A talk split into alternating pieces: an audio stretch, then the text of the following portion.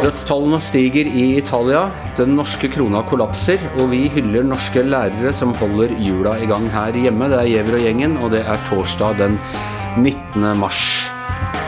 Eh, ja, på morgenmøtet i dag uh, Bare si hvem som er til stede her først. Hans Petter Sjøli, Yngve Kvistad og Hanne Skartveit.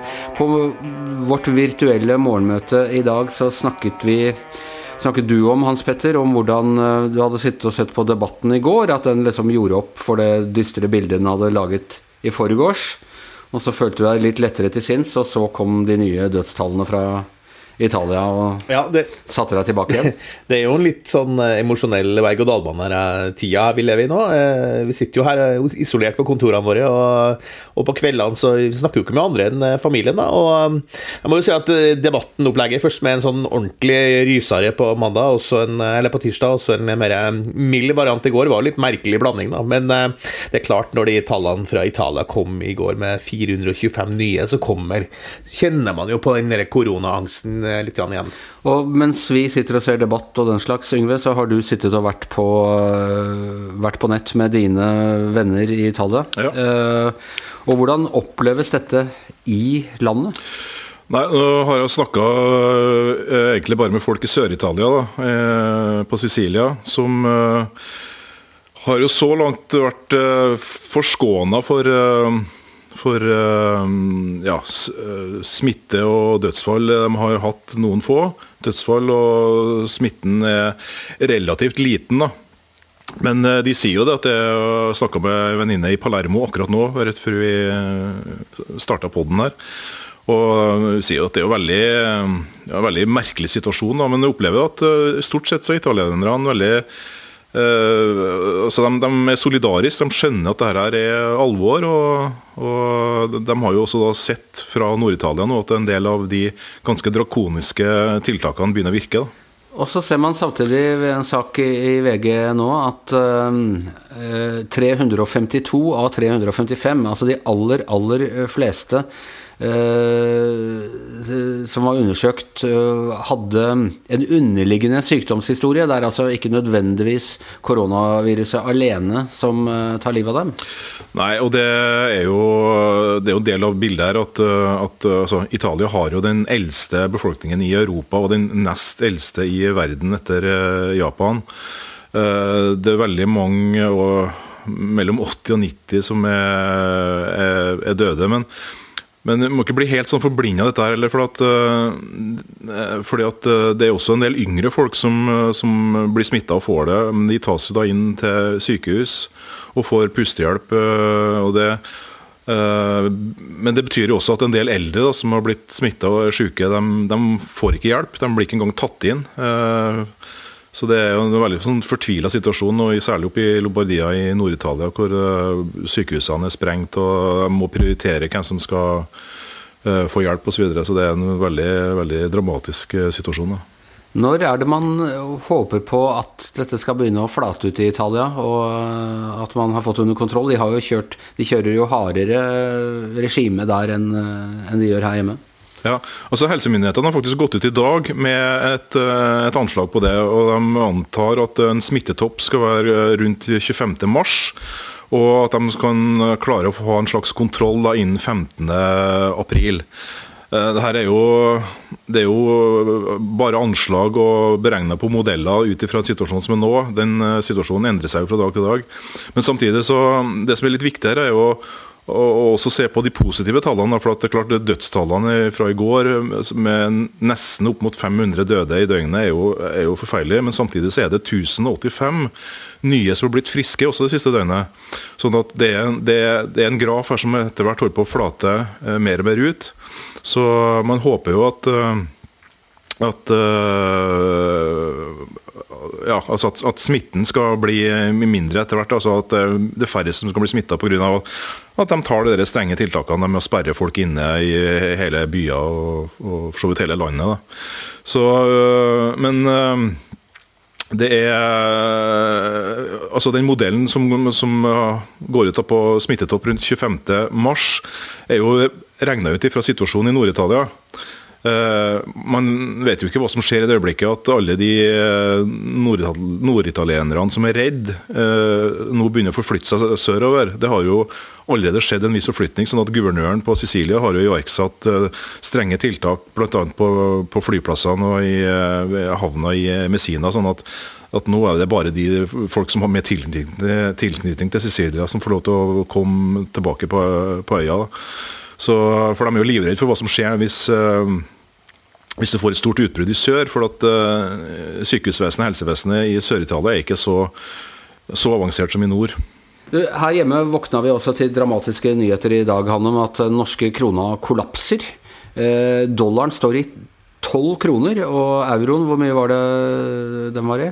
Den var vel nærmere 13, vel? Ja. Det, er, tror jeg, det har ikke vært i min eh, levetid eh, at, eh, at dollaren nesten det dobbelte av, av det vi har regna som normal pris. Hva er det det kommer av at Norge, som tross alt liksom har en såpass robust økonomi, ikke noe overskudd på statsbudsjetter og et gigantisk fond i ryggen, hvorfor rammes vi så hardt?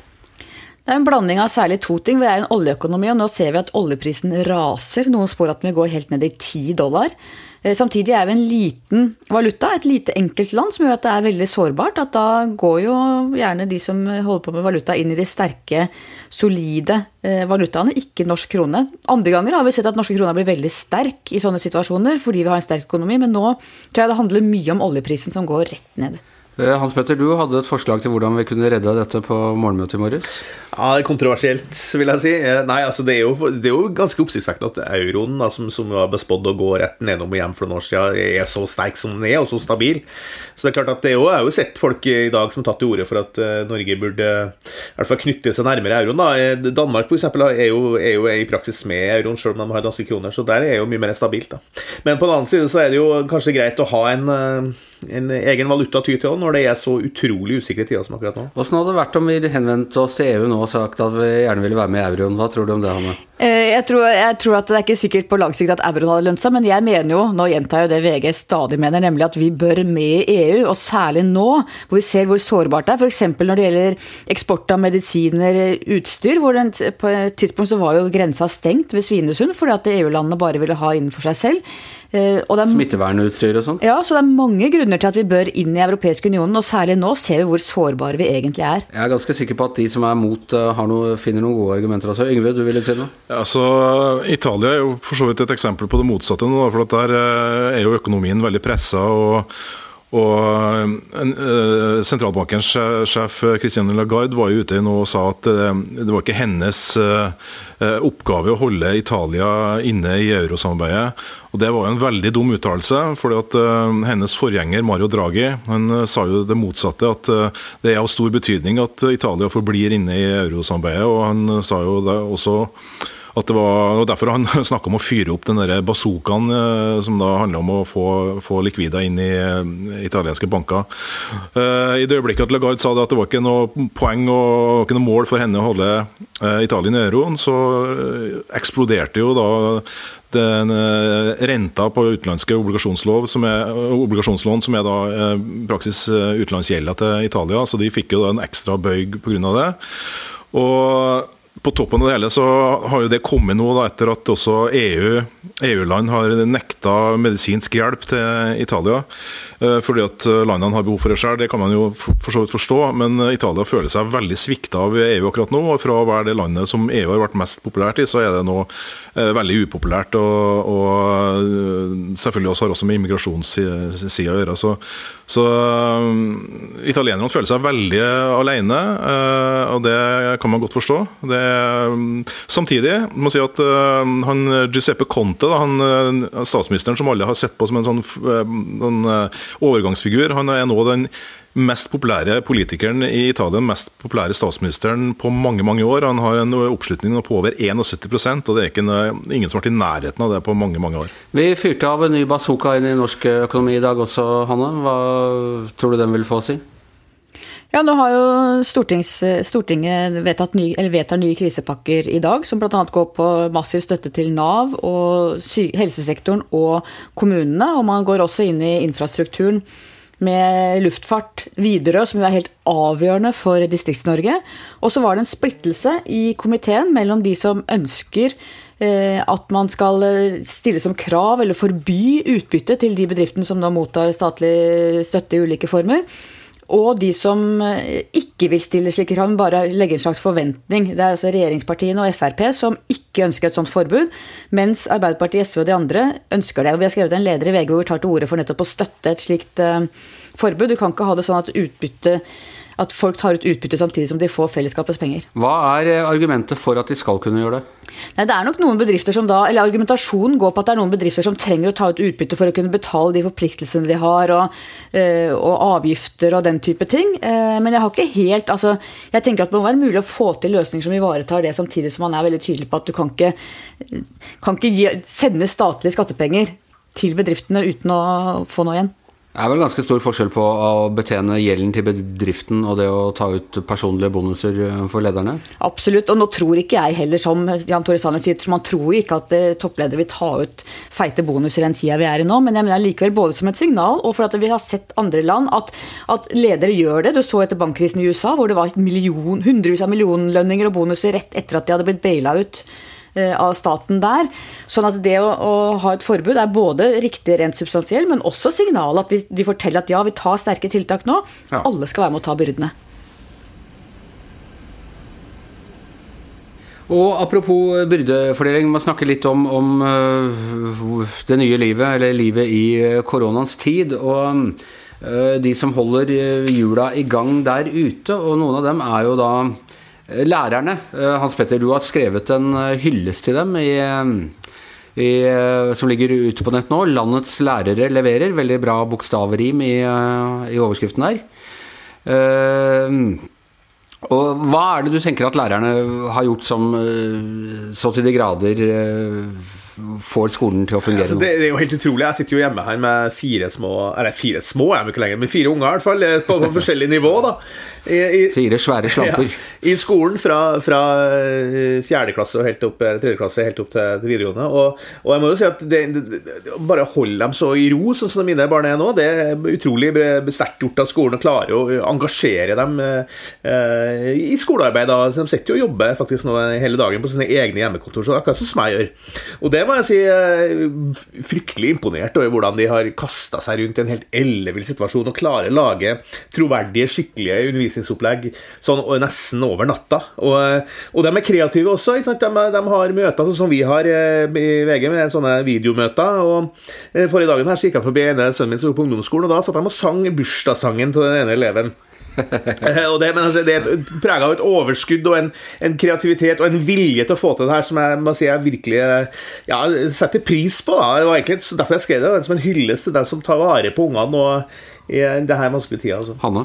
Jeg stakk nesa inn på min tolvårings rom i stad, så lå han og gjorde yogaøvelser med iPaden fra skolen som uh, som eh, han skulle følge, da. Ja. Altså, men jeg, det slår meg, jeg ser også min 14-åring eh, er så disiplinert eh, som jeg knapt har sett før. Det, jeg tror nok det har litt med å gjøre at han skjønner at jo raskere han er gjennom opplegget i løpet av dagen, så kan han bruke til andre ting. Og for en gangs skyld blir han jo faktisk oppfordret til å være eh, online og kommunisere med, med, venner gjennom spill og, og andre ting. Men er, det enda, er, dette enda mer effektivt sånn rent læringsmessig? er homeschooling, som på en måte er en totalt kjettersk tanke i den norske uh, allmennskolen uh, egentlig en uh, kjappere måte å lære på, og en bedre måte å holde elevene disiplinerte på. Hanna har bedt om ordet, hun begynte å be om ordet i det øyeblikket jeg begynte å si noe sånt. Så jeg, på, ja. jeg vil si både ja og nei, for det er klart vi har gloseprøve her i dag som er gjennomført. Dette vil jo være kanskje veldig bra for de barna som har foreldre som hjelper dem med leksene og sånn, mens de som ikke har det apparatet rundt seg hjemme, vil kanskje falle mer tilbake. Og vår skole er tross alt en skole som reproduserer sosiale forskjeller ganske kraftig. Så det tror jeg kanskje vi vil se også her. Hjemmeskole er bra for noen, og ikke bra for andre. Det vil jo tida vise dette. da. Det som jeg syns er interessant, er at vi, at eh, vi, voksne nå endelig forstår hvordan barna egentlig kommuniserer over internett. Altså vi, De møtene vi har, og, mm. og, vi kan sitte her og ha det ganske hyggelig sammen, faktisk. Eh, og det gjør jo de hele tida. Og på skolen, eh, skolen nå så sa jeg f.eks. ene sønnen min hadde også prøve, da, og da hadde sånn, eh, sånn en, en konferanse med læreren sånn, på en sånn split screen etterpå, hvor de forklarte liksom hva, sånn, hva som måtte kreves for å få til den prøven. Og sånn. Så, så jeg synes jo at, og, og de driver og sender SMS-er til, til, læreren, og læreren sender tilbake sant, med sånn smilefjes og sånn. Så det, jo, det jo, viser jo at digitaliseringa i skolen kanskje ikke har vært den dummeste ideen. Altså, fått veldig mye kritikk de siste årene. og Nå syns jeg kanskje den kritikken står litt svak. Jeg tenker litt på hvordan det hadde vært i koronaens tid for oss hvis vi ikke hadde hatt all denne teknologien. Eh, det er jo virkelig Når det først er så gærent som det er, så er det jo en fantastisk gave å kunne sitte sånn som vi gjør nå. Altså, jeg så forresten at uh, Det er så overbelasta nettet nå. De er, altså, I EU nå så er de redd for at uh, nettet skal bli At det er for mange som er inne samtidig. så Derfor så har de bedt Netflix om å sende på, på en litt lavere frekvens, altså, som er litt dårligere bilde, rett og slett. For å få, ikke sende gjennom så mye data i nettene sine. Altså, vi hadde jo Det, det ble overbelasta ute hos deg i Bærum uh, her forleden, Yngve. Da fikk du litt Ja, det var akkurat det jeg skulle si. for at uh, Vi opplevde jo den, den overbelastninga i går. Og da var det ikke bare, bare, nettet som var nede, men også telefon. Og det var eh, rett og slett vanskelig å uh, ja, få jobba, altså, for vi, vi hadde, ikke, hadde, ikke, tilgang til nyhetskilder, hadde ikke tilgang til noe som helst. Og fikk heller ikke brukt 4G-nettet via mobiltelefon, for det funka heller ikke. Så det viser også hvor sårbart det er da, når, når det ja, skjære seg på en måte her, da? Jeg tenkte på det nå, altså alle de skrekkscenarioene. Jeg gikk jo Forsvarets høgskole i fjor høst og lærte om alle de uh, truslene. Hvis vi hadde blitt utsatt for noen sånne litt sånne hybride cyberangrep nå, da hadde vi, da hadde vi ligget der. Jeg tror vi kan si også det at eh, når vi hyller da lærerne og renholderne og alle sånne legene og alle, alle folkene som er i førstelinja, sånn, så er jo de der som driver med IT, også bør få en uh, takksigelse. For der tror jeg det jobbes beinhardt nå for å unngå bl.a. det scenarioet som du drar opp litt der, ja. Anders. Ja, nei, det er i det hele tatt man blir Jeg blir litt sånn rørt over hele det norske samfunnet. Det eneste jeg da har lov til å gjøre i min selvpålagte karantene, er jo da å gå tur med minimum to meters avstand til til alle rundt meg. Jeg ser de som da holder hjulene i gang i butikker og, og, og rydder i gatene og, og, i det hele tatt. Da tenker jeg liksom dette er, dette er gode nordmenn. Men eh, da eh, nærmer vi oss slutten, men eh, jeg vet ikke, skal vi ta en liten eh, anbefalses- kulturtipsrunde i dag også? Tommel opp fra Nesodden her. Kanskje du vil begynne da, Hans Petter? Ja, Nei, fordi det er noe som jeg har sett frem til lenge. Eh, det er da altså HBOs eh, filmatisering av Philip Roths The Plot Against America. Som er, har den, den kommet? kommet? altså Første episode i går. Det er laga av David Simon, han som lager, lagde The Wire og The Deuce og, og, Trem og sånne serier. Veldig gode serier. Eh, og den her er akkurat nå passer, syns jeg, kjempegodt, for det handler jo selvfølgelig om hva hadde skjedd hvis USA har blitt fascistisk i 1940? Og, og, og, det er også en klar sånn eh, eh linje som dras da, til det, det litt, kanskje litt politisk autoritære eh, klimaet i USA akkurat nå. Så den anbefaler jeg virkelig. Nå kjenner jeg beit meg i tunga for ikke å si en hel haug med ting som jeg ikke hadde passa å si. Eh, men det skal jeg definitivt sjekke la, eh, jeg la bånd på meg der også. Ja. uh, Hanne? Eh, jeg har snart fullført den lengste lydboka jeg har hørt, har hørt, på i hele mitt liv, nemlig A History of Western Philosophy av Bertrand Russell, som er over 40 timer, hvor det går gjennom fra tidenes begynnelse til fram til eh, Karl Marx og gutta og enda nyere. Og det er, har vært veldig interessant og tatt meg lang tid. Snart ferdig. Yngve? Nei, sympati med mine venner italienerne, så så vi i går en film som heter 'Smaken av Toskana'. Det er en virkelig en sånn feelgood-film fra, fra 2018. Eh, det, filmen er omtalt som eh, Forest Gump møter Masterchef. Og Det er om en uh, ung autist som blir dratt inn i et, uh, en sånn kokke, kokkekamp. Uh, på mange måter en banal historie, men veldig rørende og veldig vakker. Og en, også en veldig god film. Den har fått masse priser. Italiensk, da, regner jeg med? Italiensk film, selvfølgelig. ja. ja. Uh, ja, og for egen del så må jeg si jeg slo et slag for Klassekampen i går, som jeg får på, på døra i papir. Veldig kult med papiravis. Jeg, jeg, går litt retro midt oppi alle der når jeg må leve så veldig digitalt. Så jeg har også begynt å se uh, Hva er det heter Hva kaller man sånn TV, vanlig TV? Lineær-TV. Lineær-TV, ja. Og nå har jo Debatten levert et par ganger, og jeg ser Dagsrevyen hver kveld og sånne ting. Og det, det, er en stund siden jeg har gjort, og jeg, liksom, jeg faller inn i de vanene der. Å, nå har morgenavisen kommet. Nei, nå er det på tide å sette seg ned og se på, Erik By. på Dagsrevyen. Jeg gleder meg til Erik By på By i helgen. Barnetimen for de minste. Har du tatt, har du tatt frem gamle kassettbånd og sånn, eller? Eh, Nei, for det tror jeg ikke rett og slett jeg har. Men jeg har jo en sønn som har kobla opp eh, vinylspiller her, så nå tenkte jeg skulle gå og høre litt Ramones i kveld.